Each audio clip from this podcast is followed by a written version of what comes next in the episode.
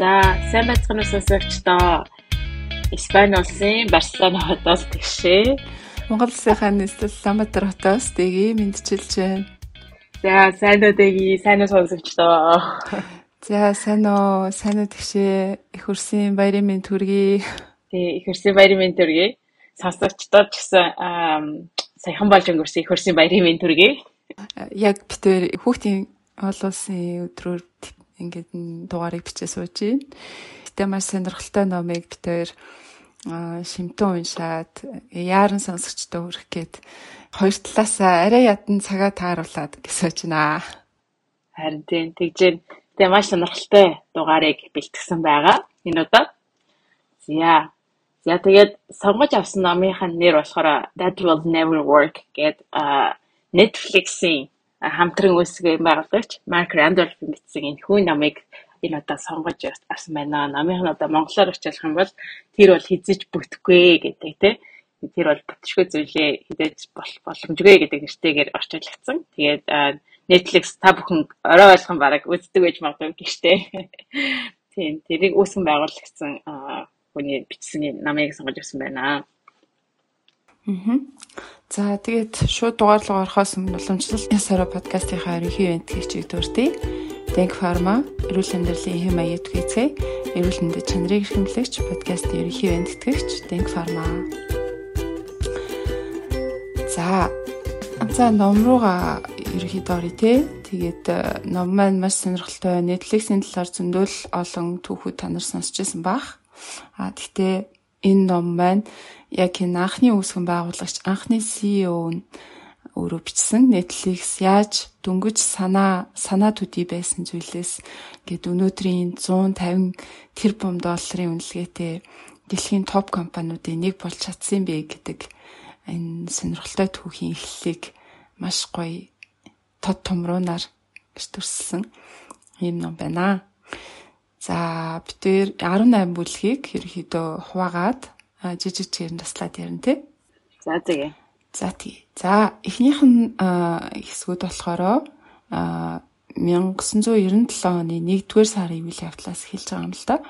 За энэ үед манай Марк гэдэг энэ үүсгэн байгуулагч маань нэг юм одоо стартап компанитай байсан. Стартап компани хамтран үүсгэн байгуулсан юм компани. Ингээд Reed гэдэг Reed Hastings гэдэг одоо хүний бас нэг өөр софтвер компанид ингээд зарсан байдаг. Тэгээд зараад Reed Hastings гэдэг чинь одоо нөгөө Netflix-ийн одоогийн CEO шүү дээ.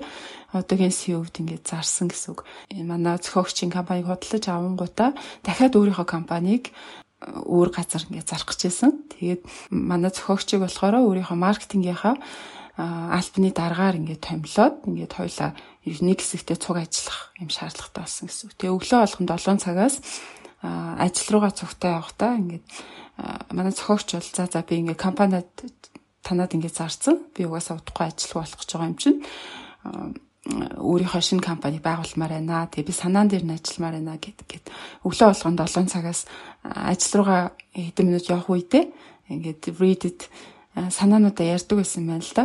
Ягаад санаанд ярьж байгаа юм гэхээр Reed бол угаасаа айгүй олон компаниг өмнө ингээд амжилтаагаар үүсгэн байгууллаа, зах зээл гаргаад ингээд хөрөнгө босгож чадчих туршлагатай хүн. Тэгэхээр би шинэ компани байгуулах юм бол Reed-ийг ямар нэгэн байдлаар хөрөнгө оруулагч авах нь эсвэл зөвлөхөө болгоно гэж бодсон байсан. Тийм болохоор ингээд надад ийм санаа юм, тийм санаа юм, ямар энэ яаж инеж ингээд ингээд туршлагатай найзаасаа зөвлөгөө аваад байсан бэл. Тэгээд гаргаж исэн санаанууд нь болохоор ингээд их хвчлэн ийм Reed таалагддаггүйсэн. Дандаа л наач стопдггүй гэдэг тийм санаанд байсан. Жишээлбэл одоо хэрэглэгчид яг өөртөө таарсан юм спортын хэрэгслүүд бейсболын зөвхөрч юм те эсвэл зөвхөн нохоонд чинь таарсан тусгай жороор хийсэн нохооны хоолч гэх юм уу иймэрхүү санаанд байсан. Тэгэл би тэрнж болохгүй энж болохгүй гэдэг угаасаа амар тийм логик сэтгэлгээ сайтай, шүүмж сэтгэлгээ сайтай, туршлагатай юм а энтерпренeur хүн байсан болохоор гээд read айгүй сайн санаанууд нь ингээд шүүмж өгдөг зөвлөгөө өгдөг шууд хилдэг байсан. За тэгээд тэр нэг тэнэг санаануудын бас нэг нь болохоор зөвхөн танд таарсан шампунь гэсэн тийм санаа байсан. Тэгээд тэр шампунаа зүгээр ч нэг гарахгүй шуудангаар илгэнэ гэсэн ийм санаа байсан. За тэгээд энэ энэ санаанаас ингээд явж явж манай Netflix бас болсон байдаг. Тэгэхээр бас хүмүүс буруугаар ойлгодог юм л дээ. Тэр нь болохоор одоогийн CEO болох энэ Reed Hastings одоо тухайн үед чинь нөгөө видео кассет гэж үүдэгсэн шүү дээ. Видео кассет одоо түрээсэлдэг блокбастер гэдэг томоохон корпорац байсан. Тэндээс ингээд тэний нэг салбраас видео кассета ингээд түрээслээд байжсэн чинь хоног хугацаанд хэтрээд тэгээ 40 долларын одоо түрээсийн торгуул төлсөн гэдэг. Тэгээ тэрнээсээ болоод ер нь яагаад ийм түрээс түрээсийн торгуул мургуул төлөх ёстой юм. Ямар ч түрээсгүйгээр ингэж киног яагаад авч болдгүй гэсэн тэр санаанаас Netflix үүссэн гэсэн буруу ойлголт байт юм байна. Өндөө бол ерөөсөө тийм байдгүй. Одоо энэ ном дээр гарсанчлан шампуныг илгээх гэдэг тэнэг санаа ер нь ургаж явж явсаргаад Netflix болсон гэсэн.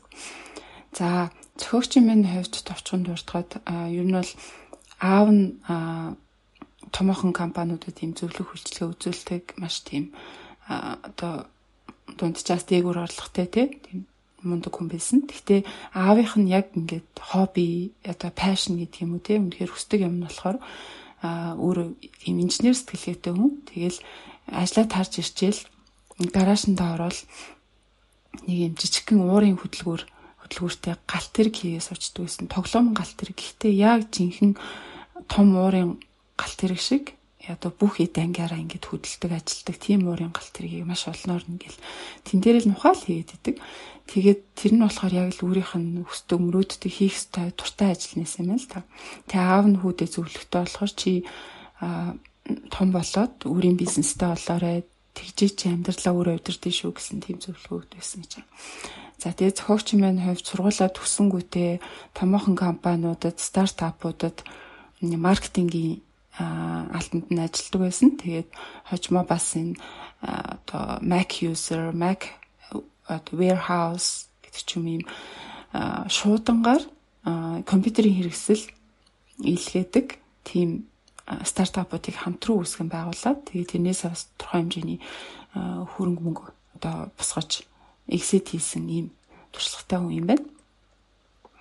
За за тэгээд түрүүнийхээ санаа руу эргэж ороход одоо манай зохиогч бол энэ санаа одоо би ямар нэгэн байдлаар стартап эхлүүлнэ гэж зорьсон байгаа шүү дээ. Тэгээд э, санаагаа ямар ч гэсэн олно. Гэхдээ би төрүүлээд бага бүрдүүлэх хэрэгтэй гэд өмнө нь цуг ажиллаж байсан туршлагатай маркетингийн эсвэл ингээд үйл ажиллагаа эрхэлдэг айгуу мундаг туршлагатай менежер хүмүүсийг ингээд хүмүүсээр бага бүрдүүлээд санаан дээрээ бас нэлээд судалгаа хийгээд явчихсан.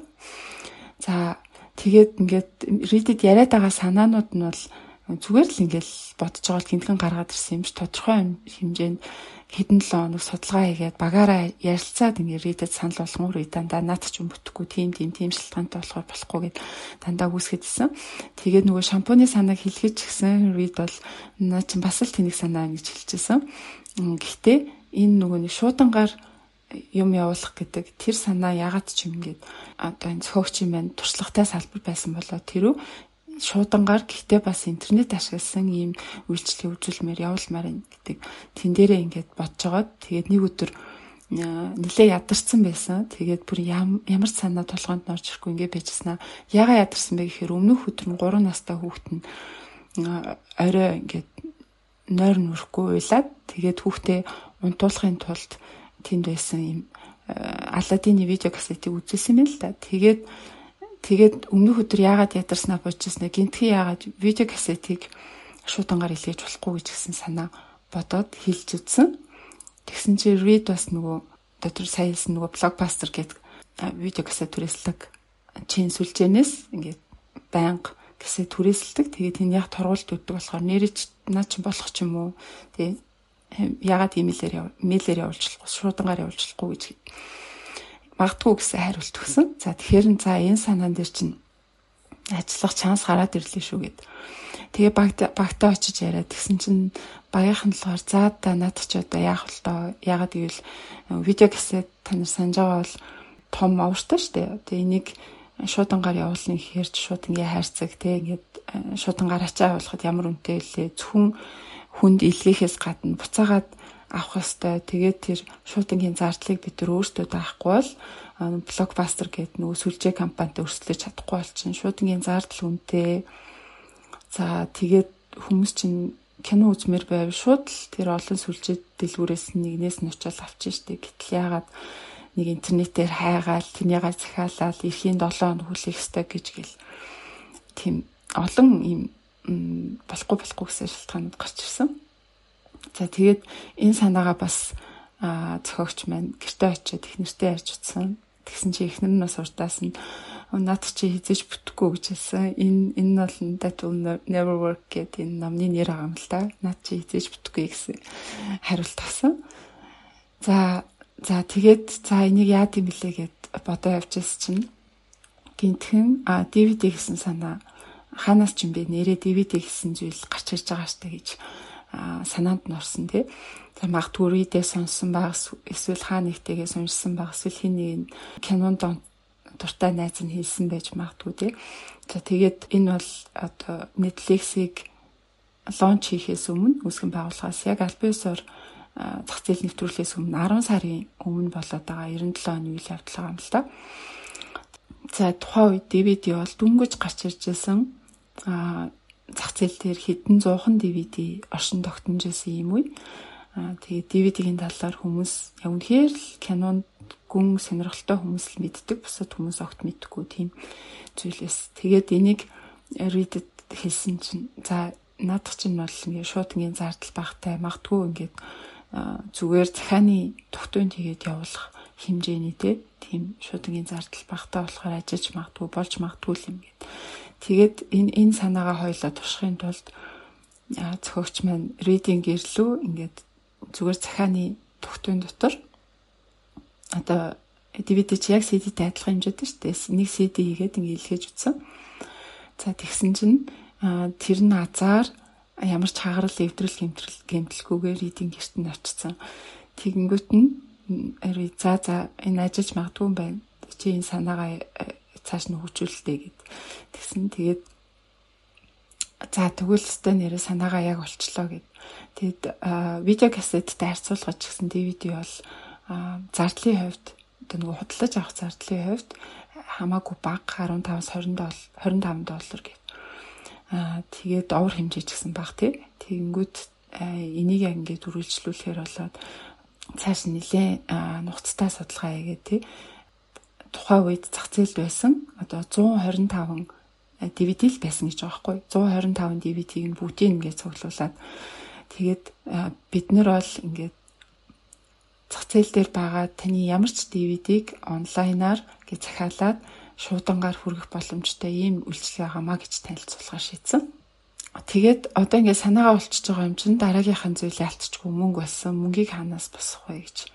Азар тэднэр трейд байсан. Нөгөө трейд нь ягаад тэгэхээр өмнө нь хит хитэн амжилттай стартапуудыг ингээд зах зээл гаргаад тэнээсээ мөнгө босгоо тий мөнгөтэй болсон байсан болохоор за ридээс мөнгө авъя гэх. Тэгээд лонч хийгээд лончосоо дараа нь ингээд хэдэн сарын турш үйл ажиллагаа явуулахад нэг 2 сая доллар орчим хэрэгтэй болох юм байна гэж тооцоолоод тэгээд Read-ээс 2 сая доллар авахын тулд за Read бол би ингээд чамд зөвхөн мөнгө өгч байгаа биш ээ бас би чамд ингээд зөвлөн цуг ажиллана те яг бүтэн цагаар ажиллахгүй ч гэсэн чамд ингээд одоо хамтран үүсгэн байгуулж байгаа гэдэг утгаараа би 70%-ийг нэзэмшин чи 30% нэзэмшин гэ. Тэгээ хоёлаа 70 30-ийн харьцаатаагаар компани анх үүсгэжсэн байна.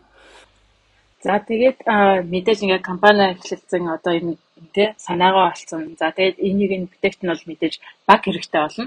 За тэгээд бага бүрдүүлэх хамгийн гол шаардлагатай болсон. За тэгээд бага бүрдүүлэхдээ яасан бэ гэхээр нөгөө өмнө хамтдаа ярилцсан өмнөх компанитай хамт ажиллаж байсан тэр найзуудаас бүрдүүлж эхэлж байгаа юм л та. Тэнцэн гол өөрөг үйлчлэг нь болохоор Кристина Ти тэгээд өөрөө байгаа мэдээж тэгээд эдгээр бол хүмүүс талын ихэд бизнесийн талын хүмүүс те маркет ресерч хийдэг. За тэгээд тэрийг яаж яг ингээ амьдрал дээр хэрэгжүүлэх үү гэдэг зүйлүүдийн бүгдийг хийдэг хүмүүс таарсан. За тэгэнгүүтээ техникийн талын хүмүүс бас хэрэгтэй болж таарч байгаа юм.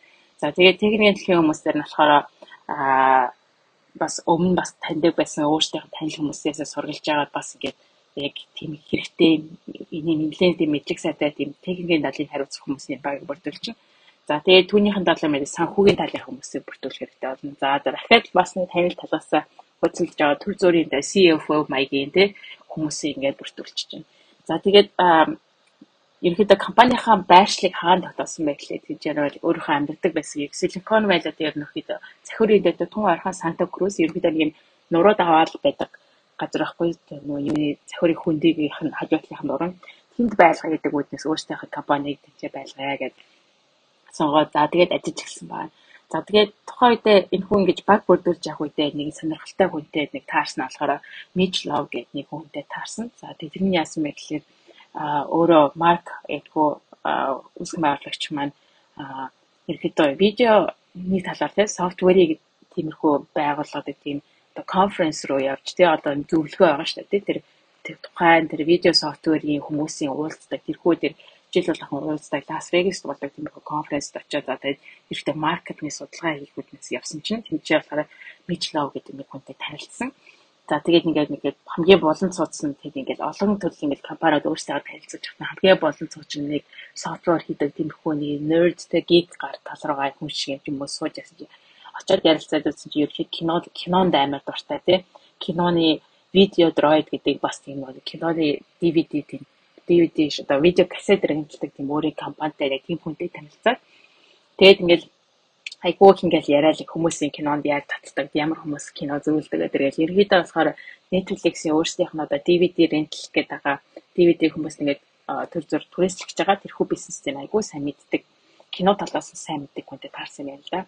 За тэгээ ингээ ярьж чинь нөгөө дээр Лас Вегас татад дараагийн өдөр нь тэр нөгөө нэг конференцээс суугаа ярьжсэн чинь ингээд нэг памфлетээ эргүүлээд чинь нөгөө хүн чинь харин тэр нөгөө конференцийн chairman руу захиална гэж таарсан тийм. За тэгээ түүнээс хойш ерөнхийдөө энэ хүнтэй маш аа маш сайн одоо холбоотойгоо тэгээд мэдэж авснаа тэр хүн бас захирын үндэд ойрхон амьдэрдэг хүн болж идэр дараад тий. Тэгээд ерөөхдөө ингээл байнга л ингээл холбоотой байгаад энэ бол юусэн манай компанид ирэхэд хэрэг болох юм байна гэдэг үгнээс байнга холбоотой байсан зөвлөгөө маш их авдаг байсан. Ингээд энэ талаасаар бизнесийн багийг бүрдүүлж байгаа, технологийн багийг бүрдүүлж байгаа. Тэгээд дараа нь энэ яг кино гэдэг энэ салбар руу нэгдээ одоо киноны диск, DVD ингээд рентэлч хүмүүсээ илүүлж энэ бизнест оролцож байгаа учраас кино гэдэг талаас нь энэ имиж лав гэдэг нэг ингээд оруулсан. Тэгээд энэ хүмүүс бас нэлийн дараа нь онлуудагдчихсан бас нэлээд юм чухал үүрэг ролик үздэг. Одоо бол ингээд Netflix ингээд бид нар ингээд харахад ингээд Netflix-ийг ингээд эргүүлж яхаар чинь танд ийм кино таалагдах юм биш байна гэдэг ингээд санал болгодог шээ тий. Тэрийг болохоор тийм алгоритм байхгүй нь мэдлээ болохоор ийм кино үздэг хүмүүс ийм кинонд дуртай ах магадaltaй гэдгийг ингээд бүр ингээд маш их кино үздэг, маш их киноныг мэддэг хүн байсан учраас ингээд сонгож хэлж өгдөг байсан юм л да. За тэгээд тэр үед нь ч гэсэн бас аюул хэрэг болсон. За тэгээд энэ хүн бол нэгээ анх нэг ажилтнаа сонирхгүй байсан ч гэсэн ингээд ажлын санал тавиад ерөнхийдөө ингээд өөрийнхөө багт авахаар ингэж багаа ингэж бүрдүүлж эхэлдэг байгаа. Азар хайрны хүн бас яг тэр нэг захирын хүндэд ойрхон байсан юм жишээ. За ингээд багаа бүрдүүлчихлээ гэдэг ингээд бод. Тэгээ тэгэнгүүт нь дараа нь аа ерөөдөө ингээд тэгвэл яах юм мөнгөө одоо тэг хөрөнгөө хаанаас бас гэдэг нэг зүйл байгаа юм л да. Тэр нь юу гэхээр одоо захирын хүндэд бас нэг одоо нэлээд бас гарааны бизнестэй холбоотой хүмүүс хэвлэгдэг нэг үг нь болохоор OPM гэдэг үг байдаг. Тэр нь болохоор ерөөхдөө тийм товчлол тий. Тэр нь болохоор other people's money буюу бусад хүмүүсийн мөнгө гэдэг нэг тийм одоо хугтхан байдаг. Тэрний үгээр хэрвээ чи өөрийнхөө хүсэл зоригоор одоо гарааны бизнес эхлээд бүх юм одоо ажил амьдрал хамаг юмаа тэр гарааныхаа бизнес зориулаад тий. Тэр шин цон цоо шин зүйл эхлүүлж байгаа бол чи бол хүч хөдөлмөр, цаг, энерги бүх юмаа зориулж байгаа тий. Тэгэх юм бол хөрөнгөө хаанаас усах юм бэ гэхээр аль болох бусад хүмүүсийн мөнгөөр хөрөнгө босгоод а чи өөрөө хөлс хөдөлмөрөөр зориулж байгаа юм чинь мөнгөө болох юм бусдаас босгоод ингээд бизнесээ бүтээх хэрэгтэй гэдэг нэг тийм а зүйл байдаг. Тэрийг болохоор өөрөө бас ингэж бодож байсан. За тэгээ тийм үедээ ч болохоор түрүүндээ дэги ярьж ярьжсэн. Read гэдэг нөгөө хамтран үүсгэн байгуулагч нь бас нэлийн алидийн өмнөх стартап нь сайн мэдлэлтэй явж байсан учраас түүнээсээ бас мөнгөөр 2 саяыг хөрөнгө оруулж байсан юм болохоор хэн болохоор Марк Рэндалф болохоор өөрөө хөрөнгө оруулах биш харин бусад хүний мөнгөөр энэ капитал ингэж бас хор болдог байгаа. За тэгээд нийлэн анх нөгөө нэг read 2 сая долларыг хөрөнгө оруулахаар ярьсан байсан бодож жоохон байсан жагаад өөрөө дахиж бодоод би ганцаараа 100% 2 сая долларыг хөрөнгө оруулмаар байна. Оруулмааргүй байна. Бусад хүмүүсээс бас жоохон хөрөнгө оруулах гаргая тий. Нэгдүгээр та яг уу мэдээж ганцаархнаа бүх зүйлийг хөрөнгө оруулалт тий алдаж одоо амжилтгүй болсон тохиолдолд 2 сая долларыг алдах гэдэг нэг зүйл байгаас гадна а бусад хүмүүст ингээд өөрийнхөө энэ бизнесаараа санааг ярьж бусдаас одоо фидбек авах тий бусад хүмүүс ч гэсэн наа чи ингэж мангар юм хийгээ гэдгийг одоо батлах зорилготой гэсэн шиг тий 100 мянган долларыг бусад хүмүүсээс гаргая аргуулъя гэдэг тийм санаа гаргасан. За тэгээ read эцэцтэй болохоор 1.9 сая гаргаад үлдсэн 100 мянган долларыг болохоор 3 4 хүнээс ингэж гаргасан байгаа. За тэгээд эхний мэдээж ингээд хөрөнгө оруулалтыг ингэж бусад хүмүүсээс авахд бол маш хэцүү зүйл. Гэхдээ Mark Randolph-ийн хувьд болохоор тийм хэцүү зүйл байгаагүй гэж өөрөөх нь бас тий намдаа бичсэн байдаг. Мэдээж хэцүү нь хэцүү. Гэхдээ учир нь юм бол өөрөө коллеж боёо их сургууль дахтаа бас нөгөө нэг аа ууланд авирдаг багийнхан ч юм уу тий гадаа одоо wildlife маягийн одоо ууланд авираад нөгөө нэг ямар ч нэг бүх юмыг л ингээд өөрөө өөрийнхөө хийж survival маягаар амьдардаг тийм амьдралаар бас зунжангаа амьдардаг байсан. Тэрний нэг хэсэг нь програмын нэг хэсэг нь болохоор гудамжинд ингээд 3 өдөр хаач мэдхгүй хотод аваачиж гэдэг автобуснаас буулгуулаа ямар ч мөнгө бичиг баримтгүй 3 өдөр амьд гар гэдэг нэг тийм одоо амьд гарахын төлөө тийм тийм даалгавартай байсан мэл л да. Тэр үеэр ингээд амар их өсөжсэн. Тэгээд хүмүүсээс мөнгө гуйх гэдэг ямар хэцүү байдаг те хинч мөнгө өгөхгүй тэгээд годамж нэгээр амар могоо зарлсан гуйлга гуйхад аяг хэцүүсэн гэж өөрөө ярьж байгаа байхгүй. Тэгээд тэр тэрийг одоо ингэж өөр хийжсэн болохоор энэ бизнесийн ядаж мөнгө гуйхад бол арай гайгүйс учрын юм бол ядаж хариуд нь би ашгаа өгөн те. Ийм ийм зорилготой би ярьж байгаа болохоор арай гайгүй байсан гэж бас энэ номд дурдсан байдгийг. За тэгээд аа мэдээд ингээд нөгөө нэг мөнгө гуйхтаа болохоор мөнгө одоо гуйх хөрөнгө оруулалт асуух та тий нийл ердийн нэг хөрөнгө оруулалт гэх нэг Френч одоо Франц гаралтай нэг хөрөнгө оруулалт асууж байгаа. Тэр бол энэ DVD-гээр одоо хүмүүс гэрлүүн одоо явуулж шудангаар явуулж мөнгө кино үзүүлэх гэдэг энэ бизнес бүтэхгүй учир нь бол одоо бүх юм онлайн болж байна тий Ирээдүйд бол ерөөхдөө нарын бизнес угаасаа хугацаатай учир юм бол хүмүүс компьютер дээр онлайнаар үздэг болох юм чинь ерөөсөө наач бүтэхгүй гэж хэлж байгаа хэлжсэн байна л да. Тэгээ тэр хүний хэлжсэн болохоор яхаа аргагүй өмнө үг байсан байгаа байхгүй. Одоо ингээд харахад гэтээ 2000 1999 онд тий 2000 оны үед бол 1999 онд гэдэг чи одоо 23 жил юм харахад бол одоо харахад бол бэлдсэн байгаа боловч тухайн үед бол арай нэг цагаас эртдсэн тийм комент хэлжсэн яа харахгүй тэр нөгөө нэг аа хэтэрхий технологийн салбарт амар ингээд хөсцөө байсан учраас хэтэрхий нөгөө хэтэрхий ойрхон харсан боловч тэр нь арайхан ирээгүй. Аа за тэр хүнээс бас их мөнгө авч идсэн байгаа. За тэгээд бас өөр хүмүүсээс бас одоо наад ая санаач юм өстой жиг шал бүтэхгүй юм бэ гэж бас нэлээд сонсч байсан. Аа за тэгээд аа бас нэг өөр хүнээс хөрөнгө оруулалт авсан болохоор яхахгүй ээжээсээ хөрөнгө оруулалт авчихсан. За тэгээд ээжээсээ хөрөнгө оруулалт 25 мянган долларыг босгож авчихтаа бас жоо санаа зовж исэн болооч ээж нь яхахгүй өөрт нь итгэжсэн гэрээгээ чалуулсан. Гэхдээ бол ээж нь хэлэхтэй болохоор За гоо чамд одоо ингээд 25 мянган доллар зээлэлчих. Дараа нь 15 жилийн дараа би бол байшин барь авах мөнгөтэй болох юм бидтэй гэд энийгээд өгчээсэн гэж тий. Тэр нь бол яг уу мэдээж ээж нь итгэжсэн. А гэхдээ хүүгийнхаа бас зүйлд одоо энэ маркенд бол өөрөө хүүгийнхаа хийх цаа зүйл а тусалж байгаа гэдэг үгнээс бас зээлүүлжсэн гэдэг тийм зүйл явсан байна. За за тэгээд ингээд нэгэн хэсэг явсны эцэстээ нөгөө 2 сая доллар авал ингээд бас очиж байгаа. За тэгээд ингээ яа 2 сая доллар ингээ гар дээр ирнэ гэдэг чинь ямар хэцүү юм бэ гэх. Тэгээд нөгөө read read hassling болохоор ингээ яг ингээ юуг нь бичээд өгсөн. Чекийг бичээд өгсөн. Ингээд 2 сая 1.9 сая доллар Netflix гэдэг тий.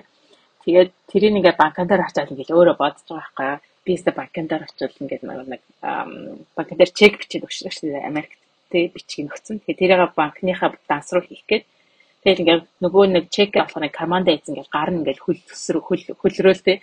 Бүхэл гарандаа ингээд 1.9 сая доллар ингээд атгсан байхгүй амьдралдаа тийм их мөнгийг би амьдралдаа ингээд гартаа гартаа атгаж үзэж байна гэдэг ингээд хөлөрсөн. Тэгээд ингээд мөрөөдөл одоо би ингээд нэг банкн дээр очихоор ингээд намайг өө өст амжилт төсөө өст чи амар их олох мөнгөтэй юм байна шүү дээ чи зөнгөж хөрөнгө оруулах босгосноо гэж баярлах байх та тий надад баяр хүрэх бахта одоо тэгээд хамгийн цаас менежерээ дагуулж ирээд а энэ их мөнгө одоо та ишээ сууд иргээл цааш байгаа өрөөнд оруулах юм болоод ингээ бодоод очил банкын дараа чинь нөгөө нь юу ч яахгүй за за банктай их юм уу те. За за таны ингээ хийлээ гэдэг юу ч таахгүй те тэгээд тэгт нь бол бас ингээ гайхчихсан те тэр их мөнгийг бол ингээ банкны хувьд бол ингээ тоодгүй тийм зүйл гаргаж ирсэн юм билээ За за ингээд мөнгөтэй болоод мэдээд нэг офс авч байгаа. Тэгээд тэгэнгүүт ингээд офс дээр анхны тэ official офс дээр аваад тэгэнгүүт энэ чинь бол юм бид тэрэнд нэг мөнгө ч зараагүй. Ерөөсөө маш энгийн байдлаар хоосон баг өөрөө аваад ширээ сандлаа адилчт нэг хүмүүс нь гэр гэхээсээ хуучин хэрэггүй зүйлээ авчиг тийм ямар ч тийм фэнси нөгөө нэг тэгэл бидний боддог шиг тийм нөгөө нэг бүх юм нөгөө хоолмол тийм ерөөсөө байгаагүй зөвхөн юу гол нь юу байсан бэ гэвэл технологийн чухал байсан. Тэгээд тэрнийх нь оронд одоо яг хэрэгтэй зүйлтэй мөнгө зарцуулж өгсөн. Тухайлбал яг тухайд бол cloud service гэж байгаагүй учраас одоо бидний өөрсдийнх нь вебсайтыг нь байр байршуулах тэр серверыг нь болохоор яг ингээд бүр өрөөнд ингэж тавьдаг ч юм уу тий эсвэл компьютероор тоглолтож гэх мэтлэг зүйлүүдэд энэхүү одоо мэс ачаалсан гэсэн байгаа. Мэдээд ингээд хамгийн эхлээд компанид өмжлөж явах бол маш мэдгүй зүйл бол маш их байсан. Тухайлбал одоо зөвхөн офса яаж хэрэглэх юм те гэдгээс авахгүй бол ингээд офсад 7 оны бол зөвлөх байсан. 2 7 оноор зөвлөх. Гэх мэт энгийн асуудал хүртэл те маш асуудал болж ирдгийг бол ингээд өөрөө ойлгож эхэлж байсан. За тэгээ түүнээс гадна мэдээж мөчөө жоохон томоор ярих юм бол компанийн culture буюу одоо компани соёл гэж ямар байх юм ямар соёлтой Netflix-ийг хамгийн байгуулах юм. За тэгээд нөө түрүүний ярьжсэн дэлхий дээр байгаа бүх DVD-ийн хувилбаруудыг өөрсдийнхөө жи агуулгатай байршуулах гэдэг тухайд нь болохоор 900 900 төрлийн кино DVD-н дээр бичигдсэн байсан. За тэгвэл яаж ихэд энэ 900 төрлийн киног одоо бүгдийг авах юм? Яаж эдрийг бүгдийг одоо тооцоог их юм те яаж одоо маш хямд үнээр эдгээрийг одоо хүмүүс рүү илгээх юм шуудангаар илгээх юм дэлгээнчний хам багс нь одоо сав нь ямар байх юм гэх мэт шиг маш олон зүйлүүдийг энэ шийдэх шаардлагатай болсныг нь бол энэ дээр ам дээрээ бичдэг байгаа. За тэгээд үргэлжлүүлээд лонч хийхээс өмнө Netflix-ийг зах зээлийн нцуулахаас өмнө 6 сарын яг юу болчихсон талаар ярив.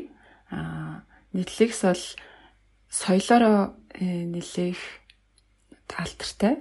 За нийтлэгсийн талаар нөгөө шинэ ажилд орсон хүнд ингээд гарын авлага өгдөг тэн дээр нь ингээд PowerPoint-ийн презентацнууд байдаг энэ төр гээд яригддаг зүйлс байдаг штэ. Тэрийг ингээд бас хаанаас угсрал гаралтай талаар нь ярьж байгаа юм л да. А Netflix-ийн соёл бол ингээд зүгээр нэг бичигдсэн яригдсан зүйл биш ээ. Энэ бол ингээд органикаараа байглаасаа би одоо яг тэдний анх үүсгэн байгуулж байсан хүмүүс нь хоорондоо яаж харилцажсэн, яаж хамтарч ажиллаж байсан тэр бүх зүйлээс ингээд үнсэлж ингээд өөрөө аяанда бий болсон зүйл юм а гэдэг утгаар нь тайлбарлаж байгаа. За Netflix дээр одоо энэ анхны үүсгэн байгуулагч те анхны баг яаж ажиллаж байсан бэ гэхээр нэг хүн нэг бүртээ ингээд хоорондоо за чи энэ энэ энэ хийш үү чинь яажлын чиг үүрэг одоо ийм 10 зүйлийг хийх байх шүү гэх юм. Тэгж дэтэлжилж бол хэлхээс илүүтэйгээр илүү ингээд бидний хамтын зорилго энэ байна. Чи энэ энэ хэсгийг нь хариуцсан, би энэ хэсгийг нь хариуцсан.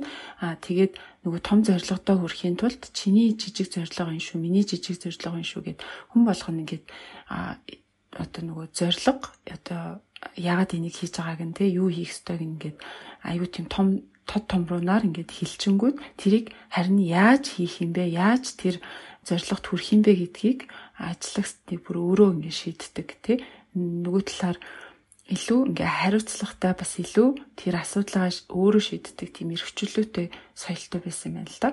Тэгэхээр нөгөө чи ингээл ажиллаа л хийж ивэл гэрээсээ ажиллаж гин үү өдөр хитэн цагаас ирээ дөрөө хитэн цагаас харж ин надаа ерөөсөө хамаахгүй гэдэг ийм философор гэдэг манай зохиогч Марк бол анхнаасаа ажиллаж байсан. Тэгэхээр цуг ажиллаж байгаа хүмүүс нь ч гэсэн Netflix бол эхэндээ тийм сайн цалин мөлөөж авахгүй шүү дээ. Тэр цалинч гэдэг юм уу, тэр ажиллах гоё офис ч гэдэг юм уу, тиймэрхүү зүйл байхгүйсэн ч гэсэн илүүтэйгээр ингээд дуртай асуудлаа шийдэж чинь хэцүү асуудлыг ингээд шийдэж чинь шийдэхдээ ингээд яаж шийдэх вэ гэдэг эрхчлөө өөрийг хариуцлах нь надад байна гэдэг тэр зүйлд нь илүү татагдаж цугласан юм хамт олон байсан байна. За тэгээд энэ энэ санаагаа зохиогч Марк маань хаанаас олсон бэ гэхээр өмнө нь нөгөө нэг том корпорацид ажиллаж байсан шүү дээ. Тэр үедээ ингээд нэг хүний нөөцтэйгээ цуг, хүний нөөцийн ажилтнтайгаа цуг явж байсан чинь а хідэн программистууд нь ингээд жакузид ороод одоо халуун ус усны тийм уурын спам спатай мундаг тийм гоё офис байсан юм л да тэр цуг ажиллаж байсан корпорац. Тэгээд тийм гоё ингээд хангамж сайтай тий бүр офстоо бүр ингээд халуун усны өрөөтэй ийм спам спатай тийм ингээд газар ажиллаж байгаа мөртлөө ингээд халуун усандаа сууж агаад компани муулж арчсан гэж байгаа байхгүй юу. Тэгээд тэрийг ингээд хүний нөөцний зохиогч Марк хоёр маань хажуугаар нь явж байгаа сонсчод яа нь одоо ингээ ийм хүртэл нь ингээ хангамж өгөөд ахад ажилдаа сэтгэл дундуур байна гэхээр ч одоо яаж хүмүүсийг ажилтны сэтгэл хангалуун болгох хэрэгтэй юм бэ гэдээ өөр өөртөө асуулттай үлдчихсэн юм байна. Тэгээ Марк болохоор явж явж хариулт нь аа хүмүүсийг ингээд жоохон өгчийг халамжлаад амд нь хоолыг хийж өгөөд юу хийх энийг бүрчлэн хийлж өгөөд ахаар хүмүүс тнээсээ ажилдаа одоо сэтгэл ханамж авахаас илүүтэй илүү ингээд бусдаас буруугаа хайдаг тий ажлаас нь хангамжгүй болчт юм байна. Тэгэхээр илүүтэй сэтгэл ханамжтай ажиллуулахын тулд ингээд том хүн шиг ажиллагчтайгаа харьцах хэрэгтэй тий. Том хүн шиг гэдэг нь болохоор за чамд ийм юм үүрэг даалгавар байна. А зорилго чинь энэ байна. Түрүүний хэлжсэнчлэн чи асуудлаа өөрөө шийд яаж хийх нь чиний одоо эрхээ гэдэг тий эрхчлөөг нь ингээд хариуцлагатай нэг цуг өгчдөг. Тэр нь л хамгийн их одоо мотивацтайгаар урам зоригтойгоор ажиллах зүйл сэтлийг ажиллагчдад бий болгох юм байна гэсэн тийм дүгнэлт хүрчээсэн байна. Тийм болохоор Netflix анханасаа тэрийг аяг одоо хоногшуулах гэж хичээсэн байна л да. За тэгээд за эхний энэ үеүүдэд те ингээд лончтой бэлдээд байж ах үедээ түрүүн тэгшээгийн тайлбарлаж байсан Мич гэж залуу байсан киноны талаар маш их зүйл мэддэг те. Дэж хэрэг одоо хитгүүн дүнгийн хэлж байгаа компанид чинь нөгөө тусдаа комплекс алгоритм алгоритм гэж байхгүй шүү дээ. Хідэн киног хідэн DVD-г одоо нэг төрлөөс нь авах ч гэдэг юм уу? Тэр бүх зүйлийг мундаг алгоритмаар тооцоолно гэж байхгүй. Тий бүгдийн зүгээр мич харж байгаа л за энэ кино бол ойролцоогоор э, иймэрхүү эрэлттэй байх энэ киноноос тэдэн шигийг хөдөлж авъя гэл тий ер нь аль ингээд нилээн өөрийн туршлага дээр мичийн туршлага дээрээс ингээд баримжаагаараа DVD-нүүдийнхаа агуулгыг нөөцийг ингээд хийжсэн гэсэн үг. Зарим нилээн юм нөгөө одоо эрэлт хэрэгцээтэй DVD-нээс бол маш олноор нь авчихсан. Ягаад тэгэхээр эдрийн танилцуулах гэж байгаа одоо үйлчлэгээ бол дэлхий дээр байгаа бүхий л төрлийн DVD манад байгаа. Тэгээ байхгүй DVD байхгүй гэдээ амлацсан шүү дээ.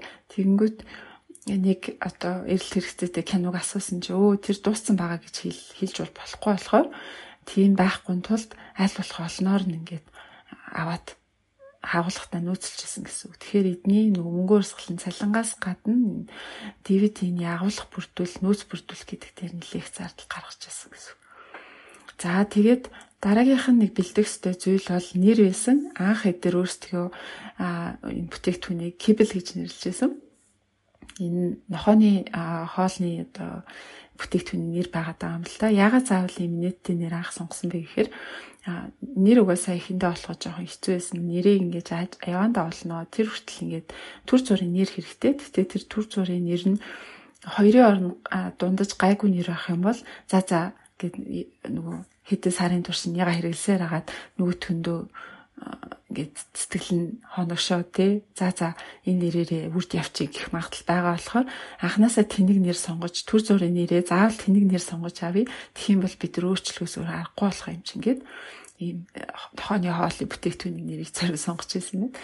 За тэгээд энэ нэрээрээ одоо цааш явж чадхаа боллоо. Лонч хийхэд сар үлдлээ. Хэдүүлээ ямар нэр сонгох уу гэд.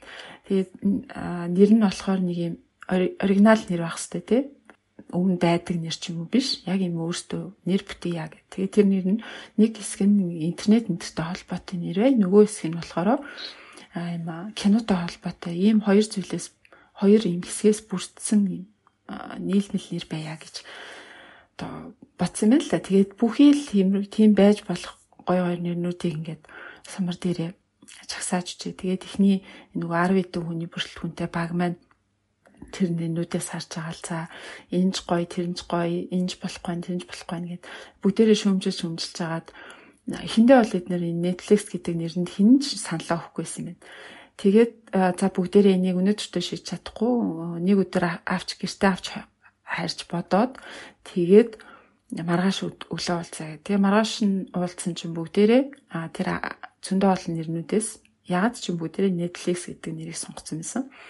Тэгээ эдрийн хувьд бол Netflix бол бүр ингээд дурлж өгсөн нэр биш. Энээс өөр сонголт одоохон даалга байна. За яг уу одоо бидний хамгийн сайн чадж байгаа л юм байлгүй те гэж дуртай дург өгсөн нэр нэгэд байгаа байхгүй. За тэгээд тэр нь өнөөгийн бидний нэр мэддэг Netflix-ийн нэр болсон юм байна.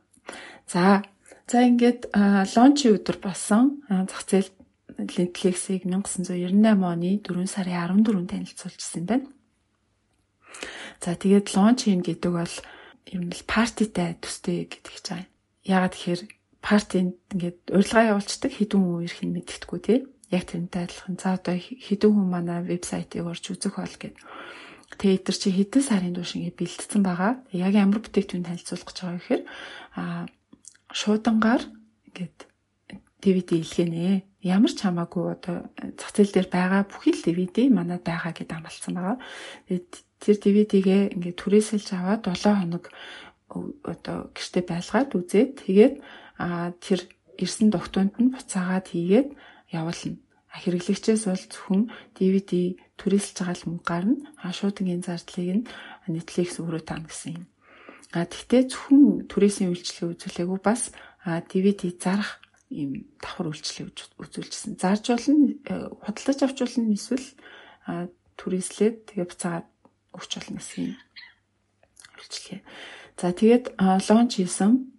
А тэр лонч хийхийн өмнө бол нөгөө ялангуяа киноны хорхойтнуудын community-д нэлээх ингээд одоо noise үсгээ те за ийм бүтээгдэхүүн гарах гэж байгаа шүү гэдэг. Одоо бидний мэддгээр бол нөгөө хуурамч аккаунтууд те нэрээ нуусан аккаунтуудаар энэ одоо Netflix-ийн ажиллагч нэг ажил ажилтан байгаа юм л та. Тэр хүн нь ингээд ороод яг л ингээд жирийн киноор хот шиг бичээл нэг ийм юм гарах гад байгаа юм шиг байна. Бүгдээрээ орч үзье гээл те. Тэгэл ингээл яриа өдөөл нэлээ юм инфлюенсер болж исэн байна тэр community киноны орхотон дундаа. За тэгээд бас дээрэс нь нөгөө PR маркетингийнх нь тэгээд ажил нь болохоор нэлээх одоо орон нутгийн сонин тэгээд олон сонинуудад хэвлэл мэдээллүүдэд манайхан юм гоё вебсайт нэгж байгаа. Тэгээд нээлтийн өдөр нь та нар бидраас ярьцлага аваарай. артикл одоо нийтлэл бичээрэй гэд ингээд захиалсан байсан. За тэгэнгүүт яг ингээд 4 сарын 14 9 цагаас вебсайтаа ингээд паблик болгоно шүү дээ тий зах зээлээр гарна. Гарангуут нь араас нь дахиад зохиогч марк маань ингээд баахан хэвлэл мэдээллийнхэнд ингээд захиалсан хэвлэл мэдээллийнхэнд ингээд уцаар ярьцлага өгөх шаардлагатай байсан. Тэгэнгүүт хамгийн ихний захиалгыг өөрөө ингээд өөрөө өнгөтэй тусдаа өрөөнд ороод ингээд хэвлэл мэдээллийнхэнд уцаар яриад суцсан. За тэгээд захиалга өгөх болгонд ингээд тонх дуурдаг. Тэгэл ингээд уцаар ярьж байгаа хоорондоо анзаарал ясан тонхнууд нь тасралтгүй дууралж ингэнээс Хаста амар одоо амжилттай явж байна гэл айгүй урам зоригтой бахархалтай байгаал. Тэгээ хэдэн минутын дараа хэдэн минут өнгөрсөн те ингээд уцаар яриад явжсан. Хонх дуурхаа болцсон. Тэгэл ажлагчдынх нь багийнх нь царианд нь нэг сонио ямар нэгэн зүйл болохгүй болсон юм шиг зүйл харагдаал. Тэгээд тэгсэн чинь юу болсон бэ гэд өрөөсөө гараад ирсэн. Харсан чинь юу бас серверүүд нь бүгдээр унтсан байсан. Хитрхийг хандлт аваад вебсайт нь ачаалаа даахгүй унтарсан байсан.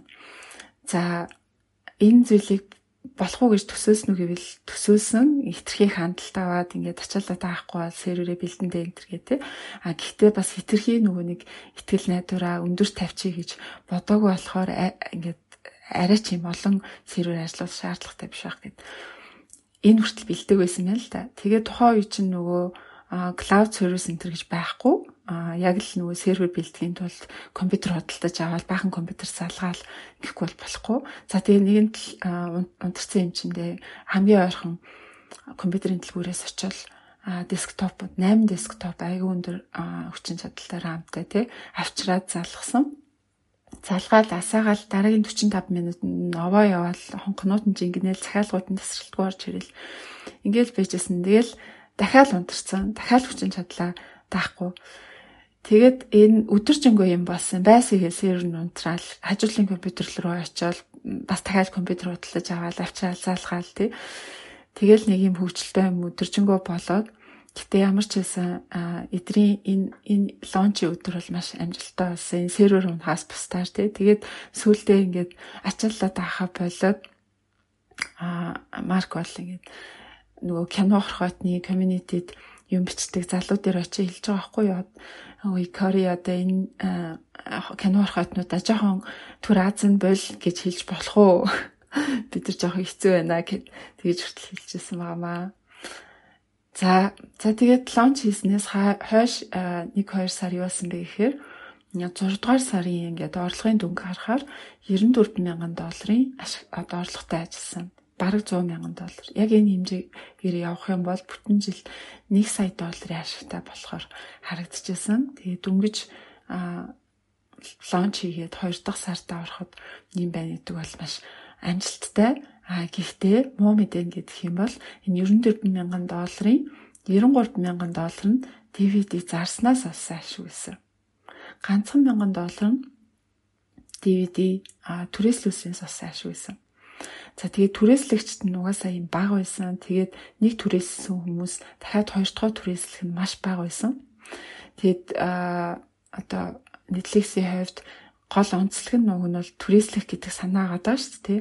А зарах гэдгийг бол зүгээр л нөгөө мөнгө урсгалаа доктортой барихын тулд ашиг авахын тулд ингээд өөртөө торгоохын тулд уг нь хийжсэн зүйл нь хизээ нэгэн цагт одоо DVD ингээд илүү зах зээл дээр олон болоод Amazon магадгүй DVD зардаг болоод аа тэг гэд магадгүй Walmart зардаг болоод эхлэх юм бол бид нар угаасаа тэдэртээ өрсөлдөж чадахгүй хол явахгүй өнөөдөр биш юм аа маргааш биш юм аа дараа жил биш юм аа гэхэд хизээ нэгэн цагт энэ явдал бол болно. Тэгээд бид нар гээд зах зээлээс арчигдана. Тэгэхээр DVD зарах гэдэг зүйлээр хитрхи найдаж болохгүй.